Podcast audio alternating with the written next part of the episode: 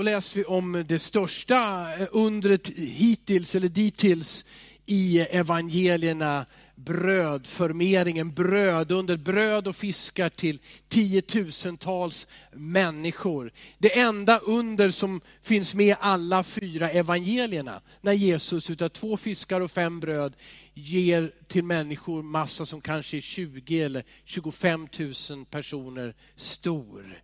Efter det, i tre evangelier följer berättelsen om när Jesus gick på vattnet. Det är, har du det här sammanhanget att eh, lärjungarna har sett någonting som ingen av dem någonsin har sett förut. Man läser om det här i Matteus evangeliet och Markus evangeliet. De var hungriga eh, och eh, Jesus får två, bröd, nej, två fiskar och fem bröd. Han tackar Gud och plötsligt så finns det där i massor det är ju det är ofattbart. Det, där finns det alltså tusentals fiskar som aldrig har simmat i en sjö. Där finns det tusentals brödkakor som inte har bakats av vete som har vuxit på åkrarna runt omkring, utan det bara är där. Det är helt enormt. Och när lärjungarna har delat ut det här och samlat in det som har blivit över, då blev det precis tolv korgar över. En korg till varje lärjunge.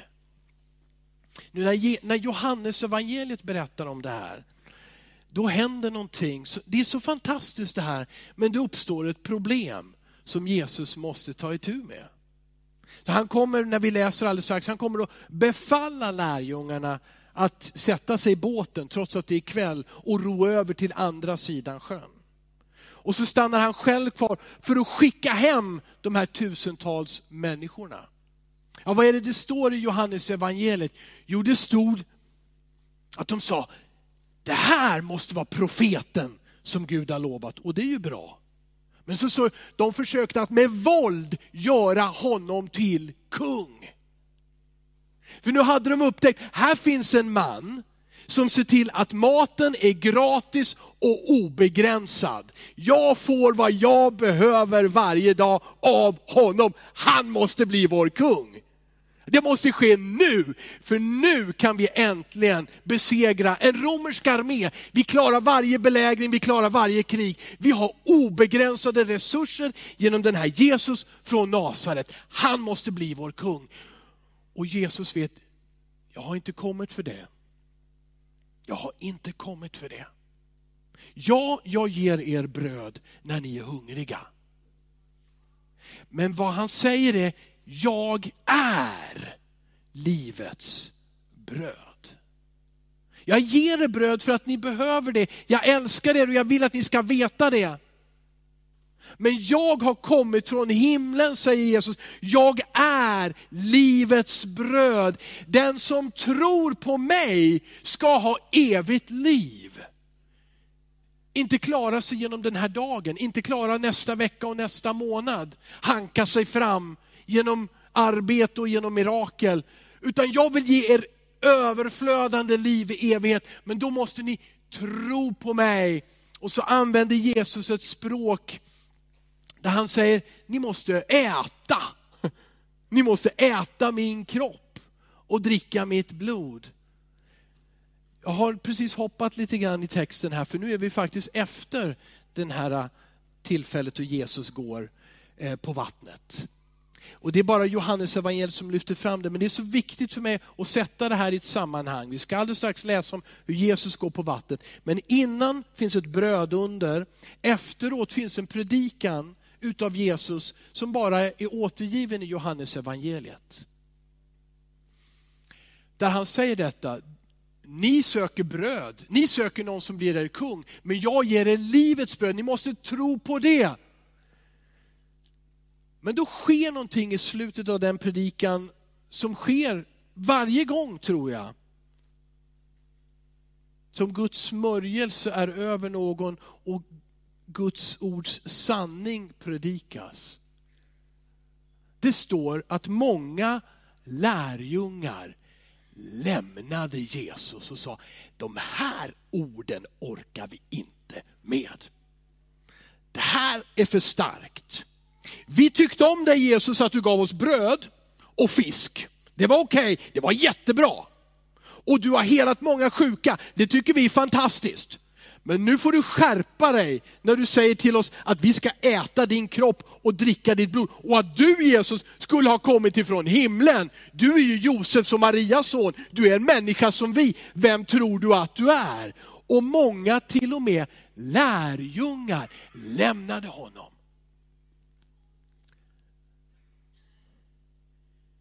Och då frågar Jesus,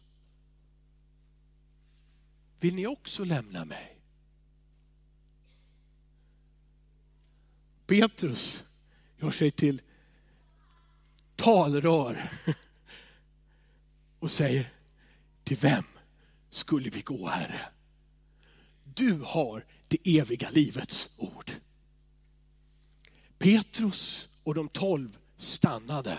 Många andra lärjungar lämnade. Vad var skillnaden? Varför stannade Petrus? Varför stannade de andra lärjungarna? Hos en man som sa saker de inte alltid förstod och tyckte var riktigt jobbiga delvis. Varför stannade de och andra gick sin väg? Och Det finns den här berättelsen om när Jesus gick på vattnet i en storm. Och den finns emellan dessa två stora saker, brödundret och Jesu predikan om att han är livets bröd. Och jag tror att den upplevelsen, i den natten, i den stormen, där de trodde än en gång, nu dör vi.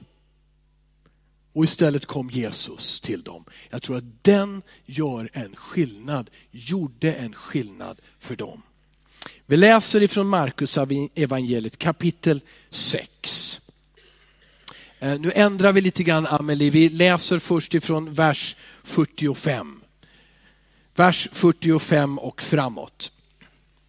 Strax därefter befallde Jesus sina lärjungar att stiga i båten och fara iväg över till Betsaida, medan han själv sände iväg folket. Och när han hade tagit farväl av dem gick han upp på berget för att be. På kvällen var båten mitt ute på sjön och Jesus var ensam kvar på land. Han såg hur lärjungarna slet med rodden, för de hade vinden emot sig.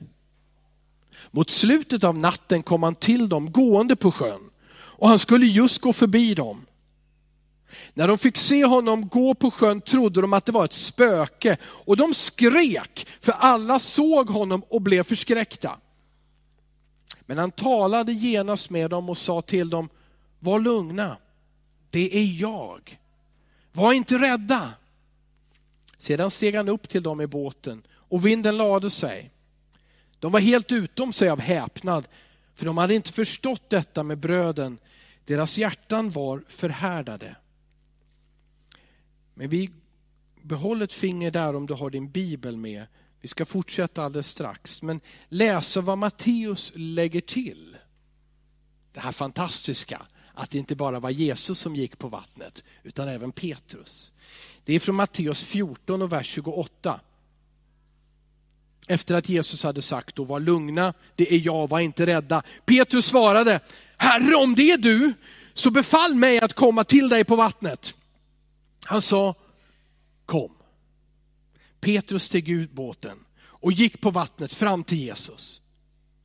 Men när han såg hur stark vinden var blev han rädd han började sjunka och ropade, Herre, rädda mig!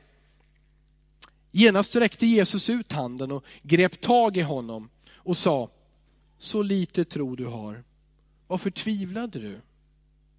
De steg i båten och vinden lade sig. Och de som var i båten tillbad honom och sa, du är verkligen Guds son. Så läser vi i Markus en gång till, bara tre verser här från vers 53 och framåt. Markus 6 och 53. När de hade kommit över sjön nådde de land vid Genesaret och la till där. Så snart de steg ur båten kände folket igen Jesus. Och folk skyndade ut i hela den trakten och började bära de sjuka på bårar till platsen där de hörde att han var. Överallt där han gick in, i byar, städer eller gårdar, la man de sjuka på de öppna platserna och bad honom att de bara skulle få röra vid hörntofsen på hans mantel. Och alla som rörde vid honom blev friska. Låt mig be en gång till. Fader i himlen, jag tackar dig för ditt ord. Jag tackar dig för Bibeln och Bibelns dag. Jag tackar dig för biblar på 700 språk, Nya testamenten på många flera. Tackar dig för alla vi som har fått, Herre.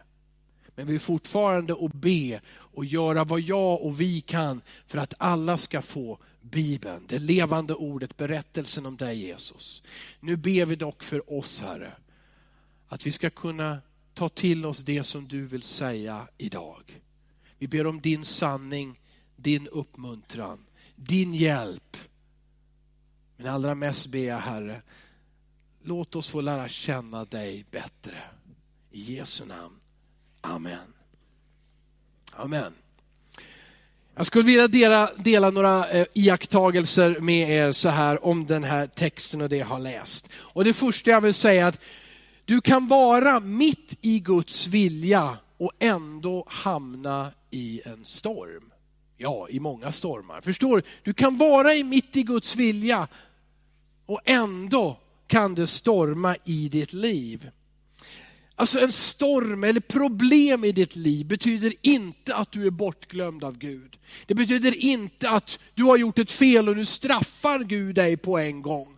Det betyder inte att du på något sätt har en förbannelse över ditt liv och för dig går det alltid sämre trots att du vill göra det som Jesus säger åt dig att göra.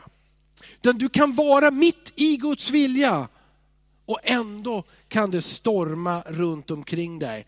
Det var ju faktiskt Jesus som hade befallt dem. Han hade inte sagt till dem att de skulle sätta sig i båten. Han hade inte föreslagit det. Det så han befallde dem, åk över till andra sidan.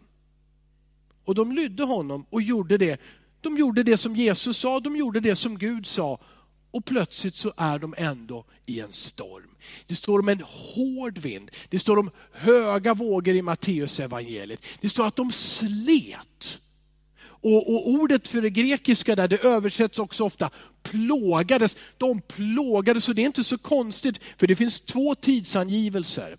Jesus skickar ut dem på kvällen och sen så slutet mot natten. Och då har det alltså, då delar det judiska eh, eh, vad säger man, inte traditionen, men sättet att dela in tiden är i, i tre timmars, i kvarter så att säga. Man delar in natten i fyra kvarter, från sex till nio, från nio till tolv, från tolv till tre och tre till sex. Och där handlar om den här första kvarten, alltså någonstans mellan sex och nio på kvällen säger Jesus, åk över. Det är en liten sjö, det handlar om några kilometer, de ska egentligen ro längs stranden och lägga till vid Betsaida.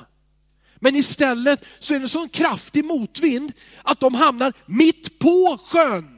Och de kämpar och klockan är kanske fyra eller fem på morgonen. De ror, de försöker att göra vad de kan. De är slitna, de är trötta, det är mörkt, de ser inte stranden antagligen. Allting gick fel. Oj, det var ju Jesus som sa, ro över till andra sidan, till Betsaida. De var ju i Guds vilja och ändå, mitt i en storm som hade potential att ta deras liv. Ja, det är väl så enkelt att kriser, utmaningar tillhör livet. Framförallt det växande livet. Det liv där man växer, lär sig, går vidare präglas också av stormar och kriser. Jesus sa så här, jag ger er min frid. I världen får ni lida. Men var frimodiga. Jag har övervunnit världen. Jesus säger det så tydligt och så klart vid många tillfällen. Det finns problem i den här världen. Ja, ni kommer, trots att ni följer mig, så kommer ni att få lida. Men var inte rädda, utan var frimodiga. Jag ger er min frid. Hörrni, vi är väl olika personligheter allihopa, eller hur? Eh, en del av oss är väldigt försiktiga, andra är väldigt våghalsiga. Kan det stämma? En del känns som väldigt trygga, stabila, andra är spontana näst hela tiden. Andra är genomtänkta analytiker och så har vi risktagarna som inte verkar ha tänkt på någonting utan bara tar en chansning. Hur är Jakob, Jesu bror, när han skriver så här i Jakob 1 och 2. Räkna det som ren glädje mina bröder när ni råkar ut för olika slags prövningar. Jag känner att han är den där som gillar risker någonstans, Jakob. Jesu halvbror som skriver det här brevet. Det är, se det som en ren glädje, finns det prövningar, halleluja! Och så skriver han, ni vet ju att när er tro prövas ger det uthållighet. Ah, Okej, okay. det finns någonting att lära av en prövning, en storm. Det finns en möjlighet att växa. Det finns en möjlighet att lära känna Jesus bättre. Du kan vara mitt i Guds vilja. Du kan gå med Gud. Du växer som kristen, som lärjunge till Jesus. Och ändå så kommer det stormar och prövningar. Det för mig fram till den andra iakttagelsen. När du är i en storm, Jesus ser dig och han ber för dig. Vet du det? Vet du att Jesus ser dig och han ber för dig? Vad gjorde Jesus? Han befallde lärjungarna att åka över i sjön. Han skickade hem folket. Alla hade ju fått tillräckligt att äta. De la sig väl och sova där på stranden eller i närheten. Själv gick han upp på ett berg för att be. Det står att han gick upp för att be. Och så står det, och det här måste ju också vara i princip lika stort mirakel som att Jesus gick på vattnet. Det står att han såg dem, hur de kämpade ute på sjön.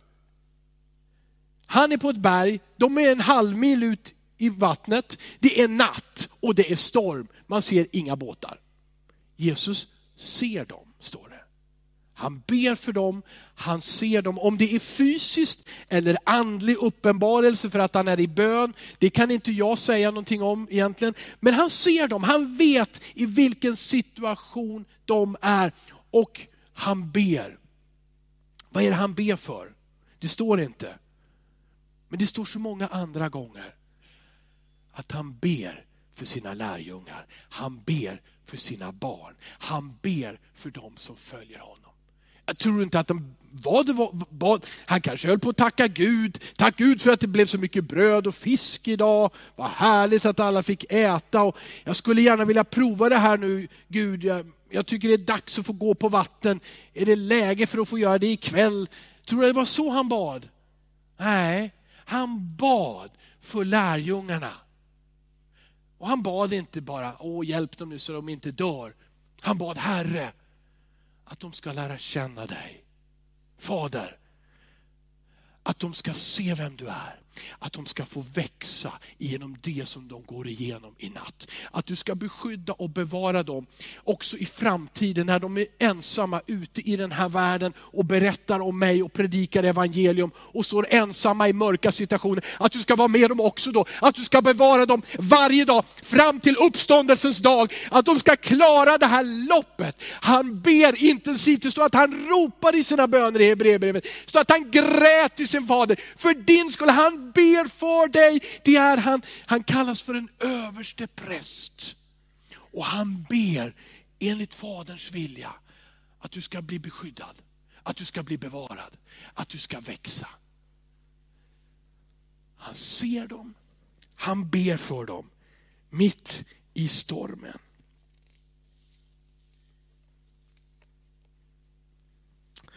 Det för mig fram till en tredje iakttagelse. Det finns stormar, men Jesus ser dig och han ber för dig.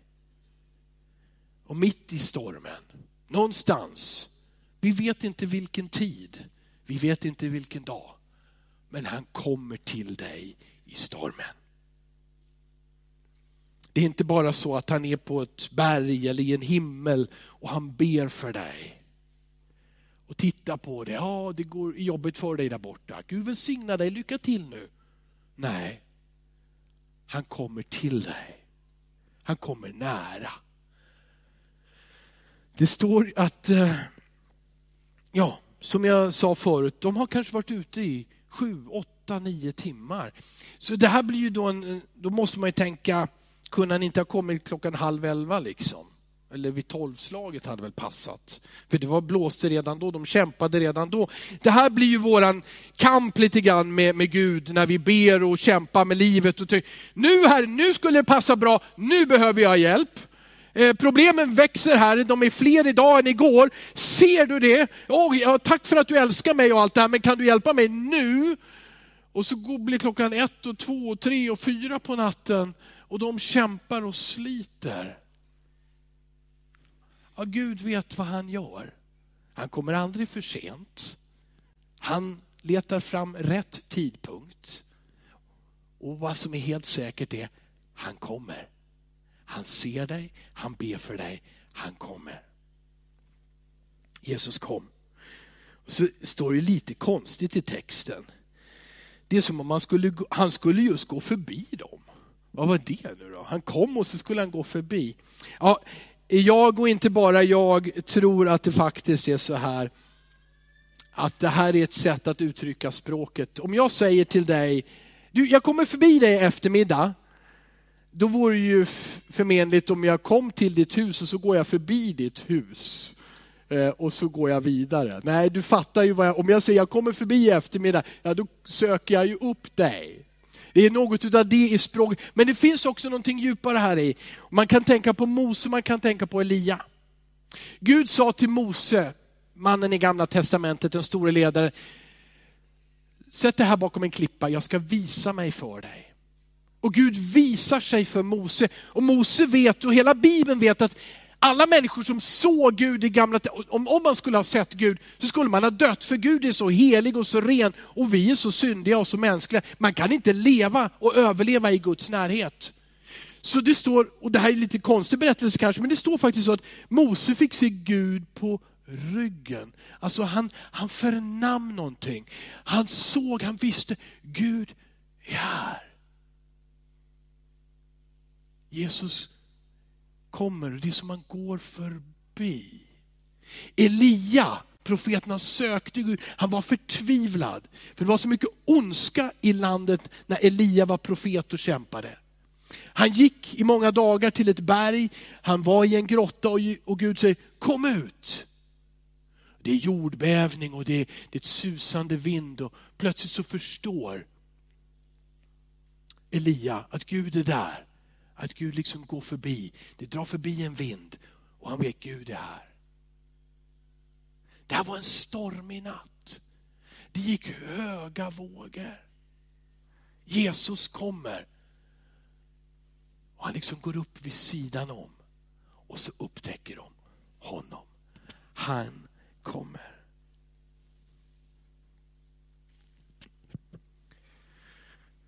Om Jesus kommer nära dig i varje storm, då kan jag säga till dig så här, håll utkik efter honom. Han kommer. Be, vänta, lita på, våga tro det. Men håll utkik efter honom, för hans svar kommer. Han kommer med svaret. Han kommer. Många har gjort det. Vi läser om Iran. Läser ni också de här artiklarna som säger att i Iran, som säger att det vill vara ett muslimskt land och alla är emot det som inte är muslimskt och det ska bara vara det. Har ni läst? Man säger att det finns en underjordisk kyrka som växer dag för dag, dag för dag i Iran. För Jesus kommer till människor som ber. Jesus visar sig, han uppenbarar sig för han lever, han svarar på bön. Det finns en explosiv tillväxt i Iran som vi kommer att få se den dag då det här landet öppnar upp. Det här sker i Kina och det har skett i Kina. Det är historiskt berättelse, det är ju när, man, när Kina slängde ut alla missionärer början på, eller tidiga delen av 1900-talet. Under många årtionden var Kina stängt. Det kom inga europeiska, amerikanska missionärer. Det fanns inte massa stora kyrkor. Och ändå så växte evangeliet genom Bibeln och genom Jesus. För han kommer till människor i de mörkaste nätter, i de svåraste stormar. Om du vill läsa på lite grann, inte just om Kina och Iran, men om människor som har upplevt Jesus, mött Jesus. Missa inte den här hemsidan. Den heter eskilstuna.org. Eskilstuna.org. Där hittar du massor med vackra Eskilstuna-bilder och människor som berättar i skriven form eller video att de har mött Jesus. Där kan du läsa på mer, där kan du också dela. Men håll utkik efter Jesus. Om du är i en storm idag, nu, i den här tiden, håll utkik efter honom, för han kommer. Amen. En iakttagelse till. Och jag har redan snuddat vid den. Guds syfte när han arbetar i våra liv, det är att vi ska lära känna honom. Det är det det handlar om. När han hjälper oss, när han välsignar oss. Han räddar oss inte bara i stormer. Vi får ju, många av oss leva i ett överflöd av trygghet och saker och, och glädje, hälsa. När han välsignar och ger, så är det med det syfte att han vill att vi ska lära känna honom. Det står i vers 49 att de trodde att de hade såg ett spöke. Fantasma heter det på grekiska, ett spöke. De skrek och blev rädda. Vad jag skulle vilja säga så här, det är att de trodde att han var någon annan än den han var. De tro, och det här, är, det här är ju hela tiden så med Jesus. Han gör ett brödunder och de tror att han är någon slags revolutionär och mänsklig kung som ska skapa ett nytt rike.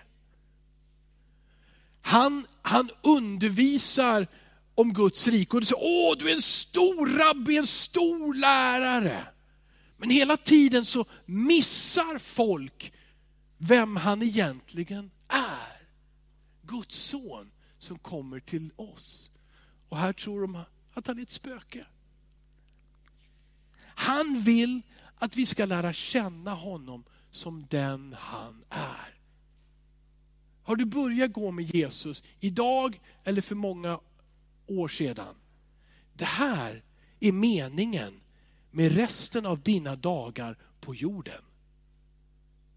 Att du ska lära känna honom bättre. Genom att få se hans omsorg om dig. Genom att få se att när det finns stormar och prövningar så är han med dig. Genom den kärlek som han ger så vill han att du ska lära känna honom.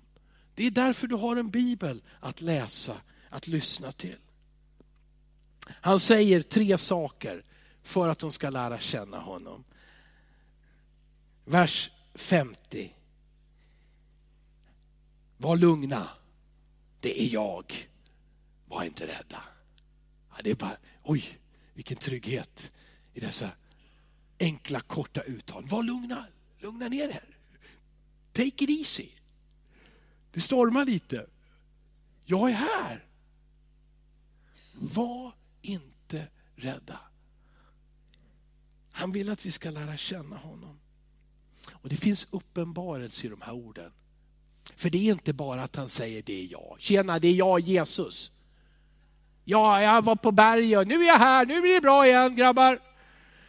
Inte bara det. Har ni ätit upp smörgåsarna i, i, i era tolv korgar? Eller?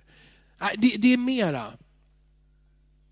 Han säger, han säger nämligen på grekiska, ego eimi. Jag är. Nej, det här är hur dramatiskt som helst. Han säger, jag är. Den flitige bibelläsaren vet att när en man, en stor man i Bibeln, Mose, kom till en brinnande buske och vad är det som händer? Och han hör en röst som säger, ta av dig skorna du har på fötterna eller sandalerna. Det här är helig mark Mose och Mose blir rädd och tar av sig skorna. Och, Vad är det här? Och, den som börjar tala till honom säger åt honom att han ska gå till Egypten och befria ett helt folk. Och Mose får nästan krupp av hela sammanhanget. Han blir dödsförskräckt. Han säger, vem är du? Och om, om, om folket i Egypten säger att du har sänt mig, vem är du överhuvudtaget? Mose var en fåraherde, han kände namnen kanske på sina får och fårskallar. Men han visste inte Guds namn, han kände inte Gud. Och Gud säger till Mose, andra Mosebok kapitel 3, vers 13 och vers 14. Jag är sänder dig. Säg till Israels folk, jag är. Dina fäders Gud, Abrahams, Isak och Jakobs Gud. Jag är. Gud säger inte om sig, jag var. Det var jag som var, som drog igång hela jorden. Och, eller jag ska bli, jag ska bli Gud, jag ska bli, det ska bli bra. Utan Gud säger om sig själv, jag är i mitt namn. I våra biblar i gamla testamentet, visst är det så att det brukar vara, då står det Herre, och så ofta står det med stora bokstäver, Herre. För det, på, på hebreiska så skulle man kanske kunna uttala det Jahve. En del vill kalla det för Jehova, vilket inte är en riktig form, men det är ett sätt att uttala det här, för det är tre konsonanter. Inte så lätt att gissa vad vokalerna är i hebreiska. Men Jahve, det betyder jag är. En jude uttalar aldrig namnet, det är för heligt. De skriver det inte ens. Av respekt så skriver vi Herre med stora bokstäver i våra biblar. Jag är. Det är en storm i den här natten. De håller på att dö. Jesus kommer och de vill ju ha hjälp. Men han säger, jag är. För han vill att de ska lära känna honom. Jag är trofast. Jag är allsmäktig Gud. Jag är pålitlig. Jag är kärleken själv. Jag är livets källa. Jag är din skapare och jag är den far som väntar på dig med öppna armar. Jag är. Kommer till dem i den här stormen. I stormar och i livet kan vi lära känna honom. Vi kan få mod att leva. Vi kan till och med få kliva ut ur båten som vi sitter i. Sluta oss förlita, på, förlita oss på egna krafter och följa honom det, här, det är så livsförvandlande, mötet med Jesus.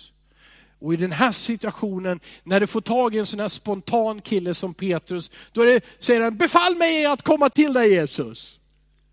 Han frågar inte, får jag komma? Befall mig! Och Jesus säger, kom. Och då går Petrus. För han ser Jesus. Han ser, jag är. Och han vet att till honom kan jag gå. Petrus gör det klassiska misstaget som vi alla gör. Vågorna går fortfarande, vinden blåser och viner och han känner det. Han tittar sig runt omkring och det är väldigt mörkt, det är väldigt vågigt och det är väldigt blött under honom. Och så börjar han att sjunka för han ser sig omkring.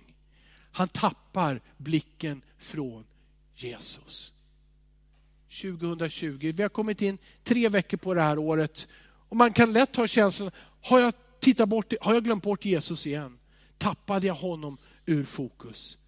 Se på Jesus. Tro på honom för den han är. Och du kan gå på vatten. Och han kan rädda dig genom varje storm.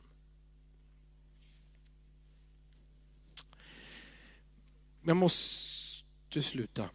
Precis. Okej. Okay. Ah, bara lite till. Det är lite problem här. Markus skriver att de förhärdade i sina hjärtan, de fattade ingenting fortfarande, de var tröga. Det är vad Markus vill skriva. Det kommer lite senare i Markus att de erkänner vem Jesus är, Guds son. Matteus, han är annorlunda, han skriver de tillbad, vilket betyder i grekiska att de kastade sig ner i båten, på båtens botten och så tillbad de honom. Det här är stort. Det är tolv vuxna män som kastar sig ner för en annan. Och så står det att de säger, du är Guds son. Så de, tillber och de erkänner, men, men vad är skillnaden här mellan Markus och, det är lite problematiskt, jag kanske inte har löst det helt och hållet, men jag tänker så här, kära vänner.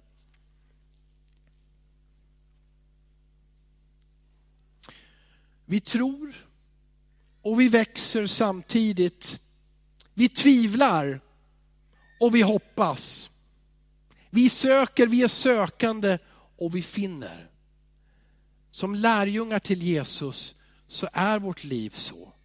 Ibland tror vi mycket från känslan här, ibland känns det väldigt svårt att tro. Ibland är vi liksom modiga, tillitsfulla, glada, kom igen. Andra gånger känner vi oss ned, tyngda. Ibland kommer vi ihåg precis vad Bibeln säger, andra gånger tänker vi, har jag läst någonting överhuvudtaget? Jag vet inte vad Gud säger.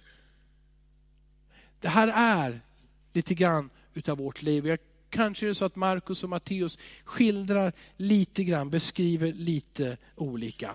Men för att få komma till avslutningen, den sista iakttagelsen. Jesus ger inte upp, trots att vi kommer bara för att få hjälp.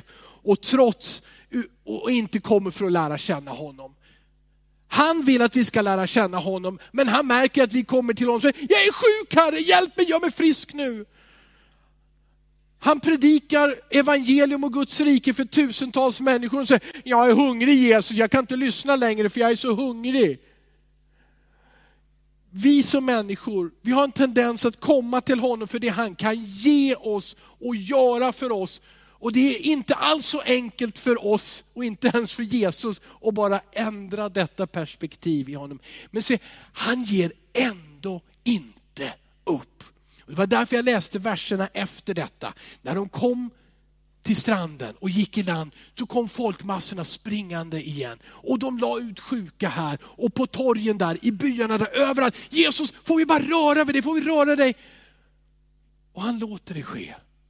Och det står att alla som rörde honom blev friska.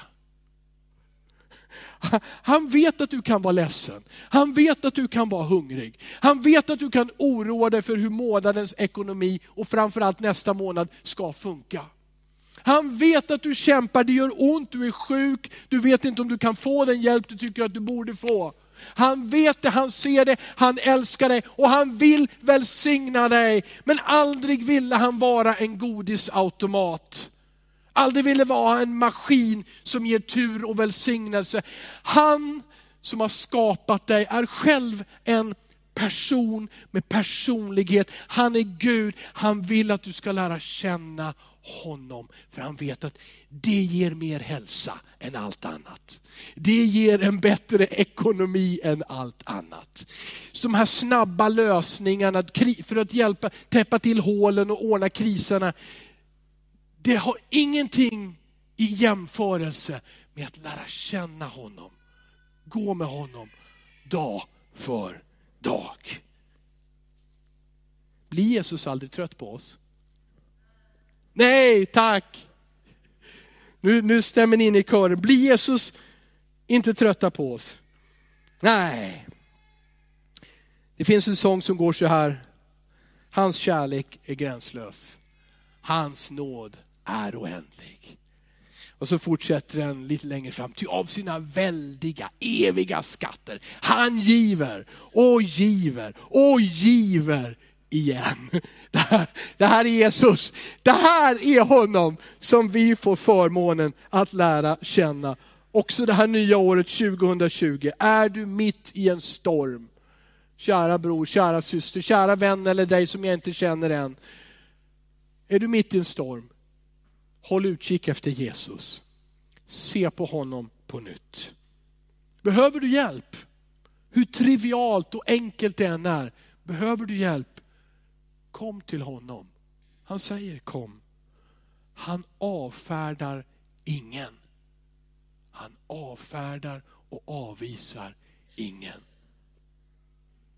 Men han vill också att du ser honom, inte bara gåvorna i hans händer till dig. Han vill att du ser honom. Lärjungarna föll ner och tillbad och bekände du är Guds son. Och därför blev de kvar hos honom. Amen. Du har lyssnat till en predikan i Pingstkyrkan i Eskilstuna. Om du vill höra den igen eller höra andra predikningar eller se, då finns vi på TV Eskilstuna och vi finns på Youtube där du hittar oss under eh, Pingstkyrkan Eskilstuna. Du kan också klicka på prenumeration om du vill veta när nya predikningar läggs ut. Alla är välkomna hit. Du är varmt välkommen att eh, kontakta oss eller besöka ett av våra möten eller kyrkan. Eh, du kan också ringa till oss eller skriva på vår mailadress om du har en fråga eller om du önskar att vi ska be för dig eller för en situation.